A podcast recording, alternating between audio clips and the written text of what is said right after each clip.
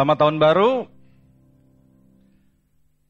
Bapak Ibu, saudara-saudari yang dikasih Tuhan, kita sudah melalui tahun 2022. Mungkin ada kalanya di tahun 2022 itu ada saat-saat yang menyenangkan bagi kita, juga saat-saat yang menyedihkan. Dan bagi banyak orang tahun 2022 itu bukan tahun yang mudah. Bagi saya juga bukan tahun yang mudah ya. Karena pada tahun lalu uh, mami saya dipanggil Tuhan. Jadi saya kehilangan seorang ibu. Dan kita juga mengetahui kondisi negara kita. Gereja pun mengalami kesulitan meskipun PPKM levelnya sudah diturunkan sehingga jemaat sudah bisa beribadah online beribadah onsite, tetapi gereja juga kesulitan untuk membawa jemaat kembali hadir. Di mana pun, bukan di tempat kita juga. Dalam bisnis pun banyak orang merasakan kesulitan, ya, karena kondisi ekonomi, sehingga banyak orang yang mengatakan memang tahun 2022 itu adalah tahun yang sulit, Bapak Ibu. Tapi kalau tahun 2022 itu sulit, Mungkin Bapak Ibu Saudara-saudari juga mendengar bahwa tahun 2023 itu gelap. Ya, gelap. Presiden Jokowi sendiri menyampaikan informasi dari lembaga internasional bahwa tahun 2023 itu diwarnai krisis yang berkelanjutan yang belum selesai dari tahun 2022. Ada krisis pangan, krisis energi, krisis finansial, krisis geopolitik, situasi pandemi yang belum selesai. Saat ini PPKM sudah dicabut oleh pemerintah. Jadi kita tidak ada lagi batasan jumlah orang berkumpul gitu ya. Pergerakan orang bebas. Sudah tidak ada PPKM. Tapi pandemi sebetulnya masih ada. COVID-19 masih ada. Dan Bapak Ibu, COVID-19 asalnya dari negara apa sih? Cina kan. Nah sekarang di saat ini Cina sendiri mengalami mengganasnya COVID-19 di akhir 2022. Akibat mereka mengubah ke, kebijakan. Biasanya Cina itu pakai kebijakan zero COVID. Artinya kalau ada satu yang kena, wah satu kota itu langsung di lockdown.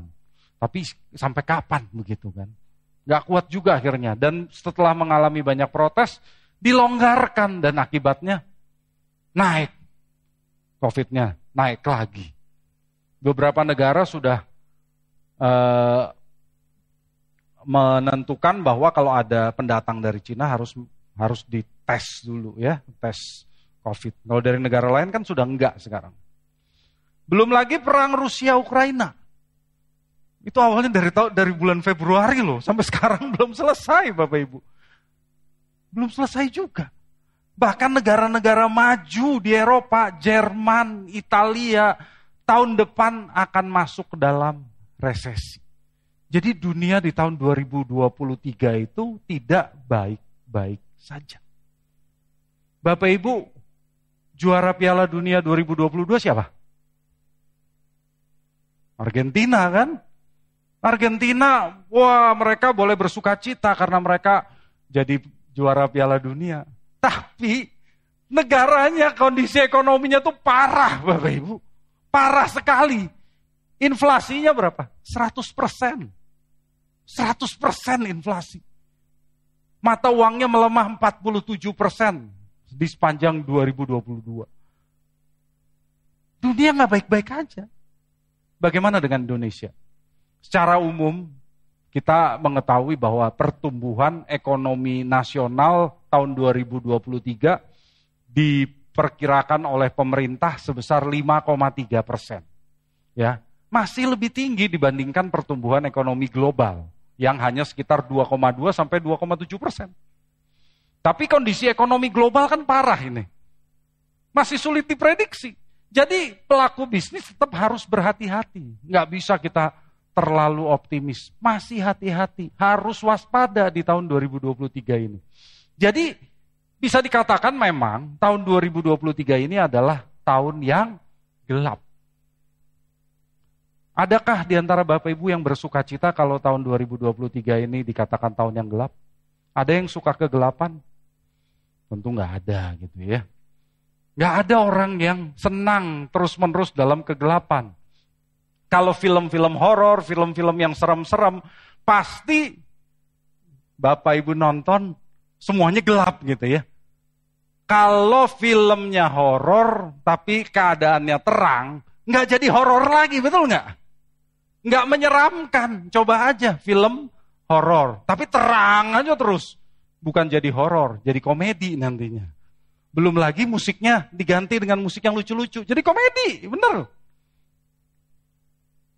Tapi Bapak Ibu, kita harus mengetahui bahwa tanpa krisis ekonomi pun, sesungguhnya Alkitab mengatakan bahwa dunia ini memang gelap. Mari kita lihat Yesaya 59 ayat 9. Yesaya 59 ayat 9. Sebab itu keadilan tetap jauh daripada kami dan kebenaran tidak sampai kepada kami. Kami menanti-nantikan terang, tetapi hanya kegelapan belaka. Menanti-nantikan cahaya, tetapi kami berjalan dalam kekelaman. Bapak Ibu saudara-saudariku yang dikasih Tuhan. Yang dimaksud di sini bukan sekadar kegelapan atau kekelaman akibat krisis ekonomi, akibat wabah, pandemi, atau korupsi di berbagai bidang. Yang ditulis ini maksudnya adalah kegelapan yang lebih gelap daripada itu semua. Sebab dalam pasal 59 Nabi Yesaya berbicara mengenai kegelapan yang disebabkan oleh dosa. Dosa mengakibatkan manusia mengalami kegelapan rohani. Kegelapan rohani membuahkan kegelapan moral. Artinya manusia jadi jahat. Manusia jadi jahat akibat rohaninya jahat. Maka manusia jadi rohaninya jahat karena terpisah dari Allah akibat dosa. Jadi manusia dalam kondisi yang sangat buruk. Dan seperti tadi kita baca di ayat tersebut. Manusia tidak berkuasa melepaskan dirinya sendiri dari kegelapan tersebut. Mau mencari terang pun tidak bisa, tetap berjalan dalam kegelapan. Maka, kalau kita baca selanjutnya nanti, Tuhan sendiri, Yahweh Adonai, Elohim, yang turun tangan untuk memberikan pertolongan. Kenapa? Karena manusia nggak bisa menolong dirinya sendiri. Adonai Elohim yang turun memberikan pertolongan dan menebus umatnya. Itulah sebabnya di pasal berikutnya Yesaya mengajak kita untuk melihat perbuatan apa yang telah dilakukan oleh Allah. Mari kita lanjutkan. Yesaya 60 ayat 1 sampai 7. Yesaya 60 ayat 1 sampai 7. Bangkitlah menjadi teranglah sebab terangmu datang dan kemuliaan Tuhan terbit atasmu. Sebab sesungguhnya kegelapan menutupi bumi dan kekelaman menutupi bangsa-bangsa. Tetapi terang Tuhan terbit atasmu dan kemuliaannya menjadi nyata atasmu. Bangsa-bangsa berduyun-duyun datang kepada terangmu dan raja-raja kepada cahaya yang terbit bagimu. Angkatlah mukamu dan lihatlah ke sekeliling mereka semua datang berhimpun kepadamu. Anak-anak laki, anak-anakmu laki-laki datang dari jauh dan anak-anakmu perempuan digendong. Pada waktu itu engkau akan heran melihat dan berseri-seri. Engkau akan tercengang dan akan berbesar hati.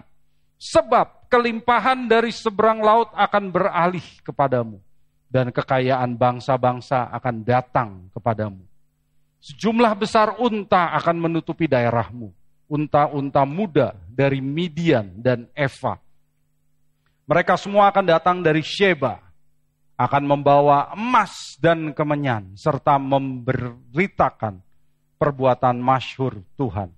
Segala kambing domba kedar akan berhimpun kepadamu. domba-domba jantan Nebayot akan tersedia untuk ibadahmu. Semuanya akan dipersembahkan di atas mesbahku sebagai kurban yang berkenan kepadaku. Dan aku akan menyemarakkan rumah keagunganku. Bapak, Ibu, Saudara-saudari yang terkasih dalam Tuhan Yesus. Kalau kita membaca kitab Nabi Yesaya, kita mengetahui bahwa kitab ini berisi di pasal yang lain, berisi pujian kepada Raja Koresh ya yang membebaskan bangsa Yahudi dari pembuangan di Babel. Sehingga kalau kita melihat konteksnya, maka orang-orang Yahudi sebagai penerima pertama dari kitab Nabi Yesaya ini akan menerimanya sebagai nubuat yang menghibur mereka. Mereka akan bersuka cita karena bangsa Yahudi yang dibuang ke Babel sebagai hukuman atas dosa-dosa mereka kepada Yahweh Elohim akan kembali pulang ke tanah air mereka. Jadi kalau mereka membaca ayat-ayat tadi, mereka akan bersuka cita. Tuhan sendiri yang akan menolong mereka dan akan mengembalikan mereka ke tanah air. Tetapi ada makna yang lebih dalam dari nubuat ini. Pembebasan bangsa Yahudi dari hukuman dosa mereka kepada Yahweh benar-benar terjadi dan menjadi fakta sejarah. Kita tahu kok mereka benar-benar pulang ke tanah air mereka. Bagi kita berarti janji yang lebih besar bagi seluruh dunia juga terjadi. Yaitu apa? Pembebasan seluruh dunia ini dari hukuman atas dosa-dosa dunia yang berdosa kepada Tuhan itu bukan hanya orang-orang Yahudi. Semua bangsa juga berdosa kepada Tuhan. Semua manusia berdosa. Karena itulah Allah turun tangannya sendiri mengutus putranya untuk lahir sebagai manusia dan menebus dosa dunia. Dengan cara itulah dia memberikan pertolongan bagi seluruh manusia. Di sini tadi kita baca Bapak Ibu. Yesaya berkata, bangkitlah, menjadi teranglah, sebab terangmu datang. Nah, terang bagi kita itu siapa? Terang bagi kita itu siapa? Coba kita lihat Yohanes 1 ayat 9 sampai 12. Yohanes 1 ayat 9 sampai 12 terang yang sesungguhnya, yang menerangi setiap orang sedang datang ke dalam dunia. Ia telah ada di dalam dunia dan dunia dijadikan olehnya, tetapi dunia tidak mengenalnya. Ia datang kepada milik kepunyaannya, tetapi orang-orang kepunyaannya itu tidak menerimanya. Tetapi semua orang yang menerimanya diberinya kuasa supaya menjadi anak-anak Allah, yaitu mereka yang percaya dalam namanya. Jadi Bapak Ibu siapa terang itu? Yesus, betul. Dialah Yesus Kristus yang datang ke dalam dunia ini. Dunia tidak mengenal dia. Orang Yahudi tidak menerima dia. Tetapi Alkitab berkata, kepada orang-orang yang menerima dia, maka orang-orang yang menerimanya itu akan diberinya hak untuk menjadi anak-anak Allah, yaitu mereka yang percaya dalam namanya. Bapak Ibu percaya kepada Sang Terang itu? Amin. Jadi bagi bangsa Yahudi, Yesaya mengatakan bangkitlah. Yesaya menyerukan bangkitlah. Jangan terus terpuruk dalam kesedihan, dalam duka cita karena kamu dibuang. Sebab terang Tuhan sudah datang. Kemuliaan Tuhan sudah terbit. Bangs, bagi bangsa Yahudi saat itu. Terang itu dinyatakan dalam kehadiran Tuhan sendiri di bait Allah, Bapak Ibu. Dan bangsa Yahudi tahu bahwa waktu mereka dibuang ke Babel, bait Allah dihancurkan. Jadi kalau ayat-ayat ini berkata, wah terang sudah ada, berarti bait Allah akan dibangun kembali. Mereka tahu artinya. Jadi kita harus melihat ayat sesuai konteks. Dalam Yesaya 60 ayat 7 tadi, Yesaya menyebutnya rumah keagungan dan akan dipersembahkan kurban kembali. Bait Allah akan dibangun kembali. Dan kita tahu Bapak Ibu bahwa nubuat Yesaya ini benar. Bait Allah didirikan kembali. Juga seperti dikatakan tadi di ayat 4, Yesaya 60 ayat 4, anak laki-laki dan anak perempuan dari orang-orang Yahudi akan kembali dari pembuangan. Jadi ini berita yang menggembirakan buat orang-orang Yahudi. Tapi itu buat orang Yahudi. Buat kita gimana? Buat kita. Terang itu juga bercahaya bagi bangsa-bangsa. Yaitu orang-orang non-Yahudi seperti kita. Bapak Ibu kalau membaca bangsa-bangsa di Alkitab, itu artinya bangsa-bangsa non-Yahudi. Jadi kita semua ini bangsa-bangsa. Itu bangsa non-Yahudi, bukan non-Kristen. Nggak ada non-Kristen di perjanjian lama. Ya, jadi kita semua ini bangsa-bangsa. Non-Yahudi bangsa-bangsa. Nah, dikatakan bangsa-bangsa non-Yahudi dan para pemimpinnya rajanya akan datang berduyun-duyun datang kepada terang itu. Nah, coba kita baca kembali ayat 5. Ayat 5. Pada waktu itu, engkau akan heran melihat dan berseri-seri. Engkau akan tercengang dan akan berbesar hati. Sebab kelimpahan dari seberang laut akan beralih kepadamu dan kekayaan bangsa-bangsa akan datang kepadamu. Bapak Ibu Saudara-saudari yang dikasih Tuhan. Ayat 5 ini termasuk salah satu ayat yang paling sering disalahgunakan oleh para pembicara yang tidak bertanggung jawab. Ya, mungkin Bapak Ibu pernah dengar khotbah mereka. Mereka mengatakan di akhir zaman, maksudnya di zaman sekarang, kita ini hidup di akhir zaman, gereja Tuhan akan mengalami berkat yang besar kekayaan bangsa-bangsa akan mengalir kepada anak-anak Tuhan. Sehingga anak-anak Tuhan akan hidup makmur, berlimpah harta bendanya. Dan apa pun yang dilakukan, mau bisnis apa saja, pasti akan berhasil. Maka sekalipun dunia ini resesi, anak Allah tetap resepsi. Jangan diaminin. Itu salah. Itu salah.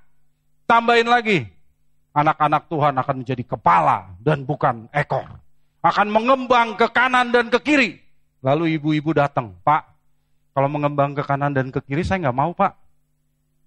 Dietnya susah Pak. Ya, nggak mau saya. Ini udah Natal tahun baru aja udah naik berapa kilo ini. Belum lagi habis ini Imlek Pak. Ngembang saya. ya, jadi Bapak Ibu itu salah. Itu tafsiran yang tidak bertanggung jawab dan mengabaikan konteksnya. Ya, coba aja kalau itu benar, maka hari ini orang-orang terkaya di dunia itu semuanya orang Kristen. Benar nggak? Nggak ada orang non-Kristen yang kaya-kaya. Kalau ayat ini ditafsirkan seperti itu. Kenyataannya kan enggak. Ya. Lebih kaya mana coba orang-orang Kristen atau orang-orang non-Kristen? Lebih banyak orang non-Kristen yang kaya. Ya, jadi jangan menafsirkan ayat-ayat secara sembarangan. Sehingga apa yang sesungguhnya hendak disampaikan oleh firman Allah jadi tidak tersampaikan. Yang tersampaikan justru adalah pesan asing yang dimasukkan sendiri oleh si pembicara itu yang ada di kepalanya tidak sesuai dengan Alkitab. Tapi itu yang disampaikan Bapak Ibu. Jadi kalau dengar yang seperti tadi, itu salah ya. Jangan percaya lagi ya Bapak Ibu ya. Jadi bagi pembicara yang mengabaikan konteks, saat ini saya serukan, bertobatlah. Bertobatlah. Jangan terus-menerus mendukakan Allah dengan menyalahgunakan Alkitab menyalahgunakan ayat-ayat Alkitab. Nanti perkataanmu itu akan dipertanggungjawabkan di depan Tuhan. Jadi bertobat, ya. Jangan lagi menyalahgunakan ayat. Karena Bapak Ibu, ayat 5 tadi bukan berbicara mengenai kelimpahan gereja atau kelimpahan orang-orang Kristen. Kalau bagi bangsa Yahudi yang menerima tulisan Yesaya, waktu mereka menerima, mereka membaca tulisan Yesaya ini, mereka akan menerimanya sebagai pesan bahwa orang-orang non-Yahudi akan ikut datang kepada Tuhan dan akan mempersembahkan kurban kepada Tuhan datang ke bait Allah membawa kekayaan mereka, korban mereka. Coba dibaca di ayat 7 nanti. Mereka bawa korban, kambing domba, dan mereka ikut menyembah Tuhan. Itu artinya buat orang Yahudi. Jadi jangan tafsirin sembarangan. Tapi bagi kita, ada sesuatu yang luar biasa. Ada kebenaran yang mau saya sampaikan kepada Bapak Ibu. Siapa bangsa-bangsa yang datang membawa kekayaannya itu? Coba kita baca kembali ayat 6. Ayat 6. Sejumlah besar unta akan menutupi daerahmu, unta-unta muda dari Midian dan Eva. Mereka semua akan datang dari Sheba, akan membawa emas dan kemenyan, serta memberitakan perbuatan masyhur Tuhan.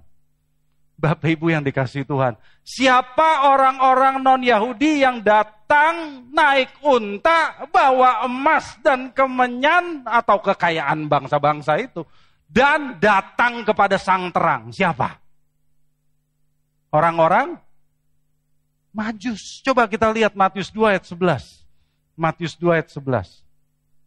Maka masuklah mereka ke dalam rumah itu dan melihat anak Yesus bersama Maria ibunya, lalu sujud menyembah dia.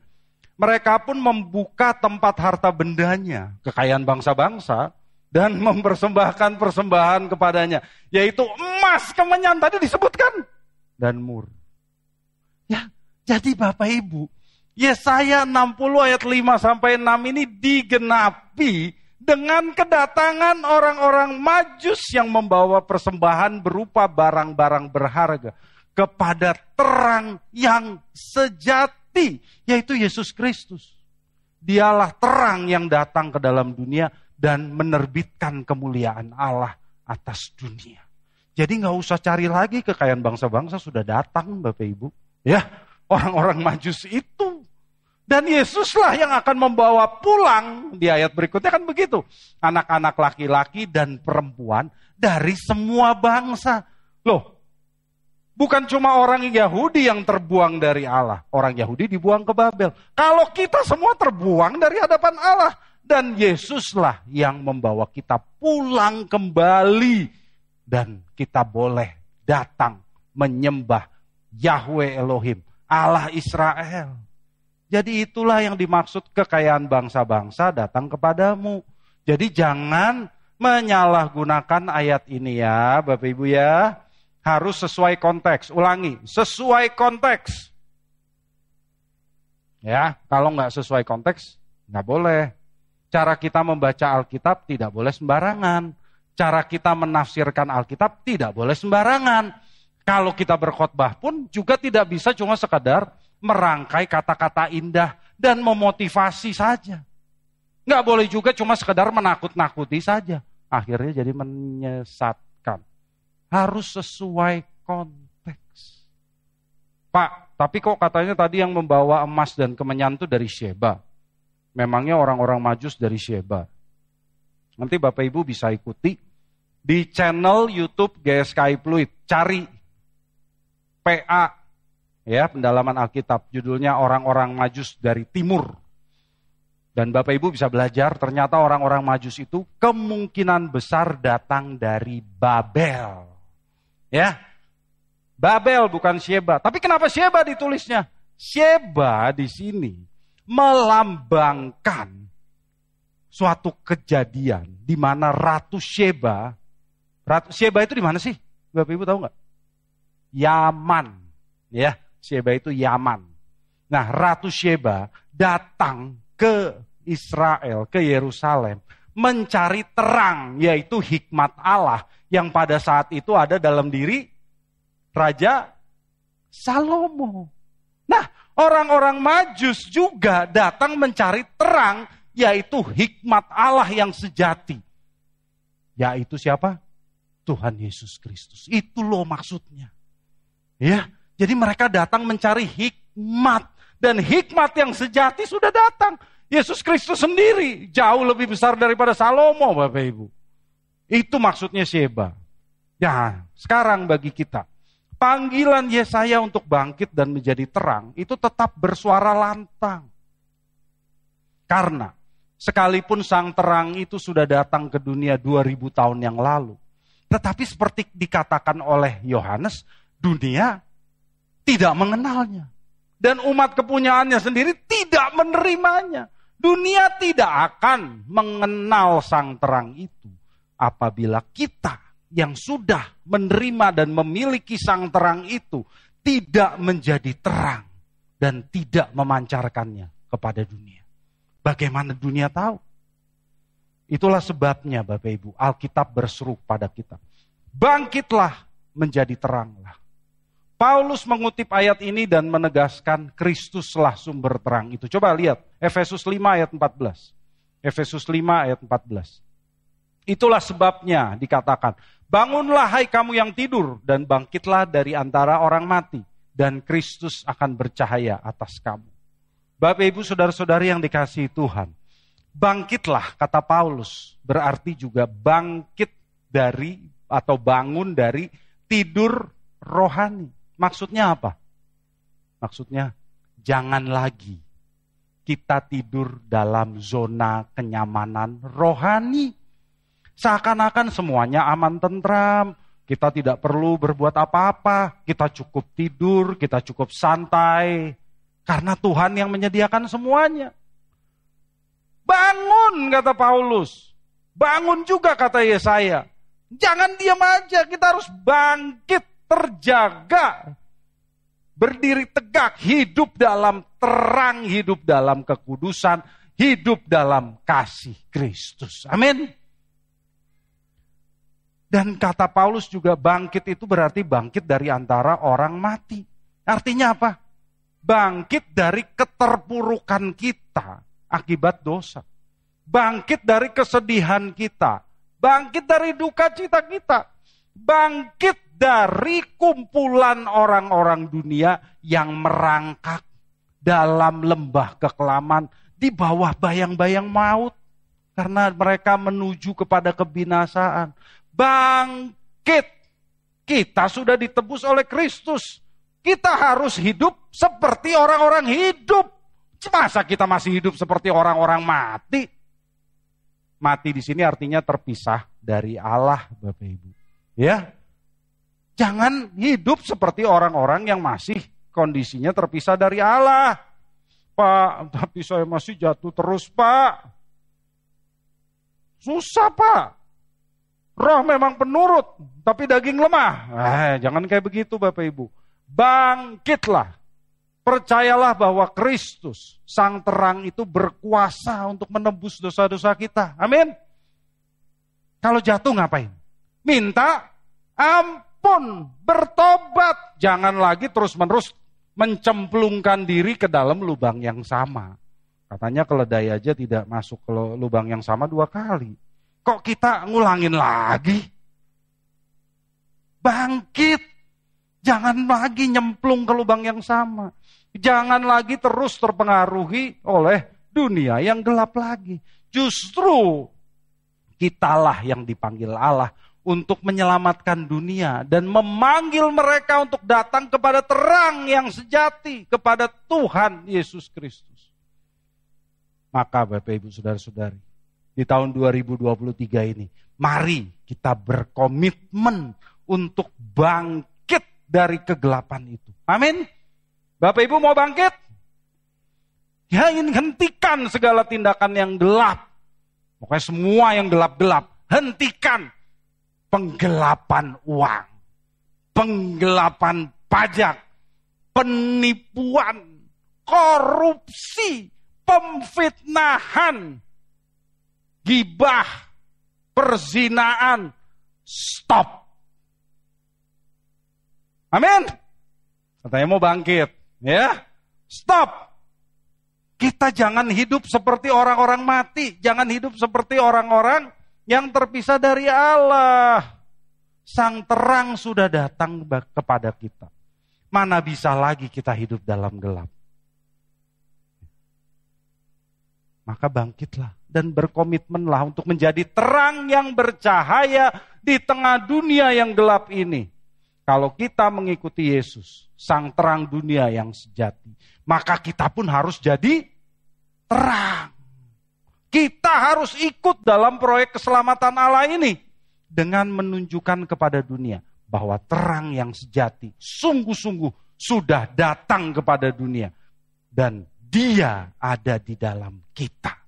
Dia ada di dalam saudara dan saya karena kitalah anak-anak kerajaan terang. Amin. Karena itu Bapak Ibu, mari kita menjadi kesaksian atas kemuliaan Tuhan atas dunia ini.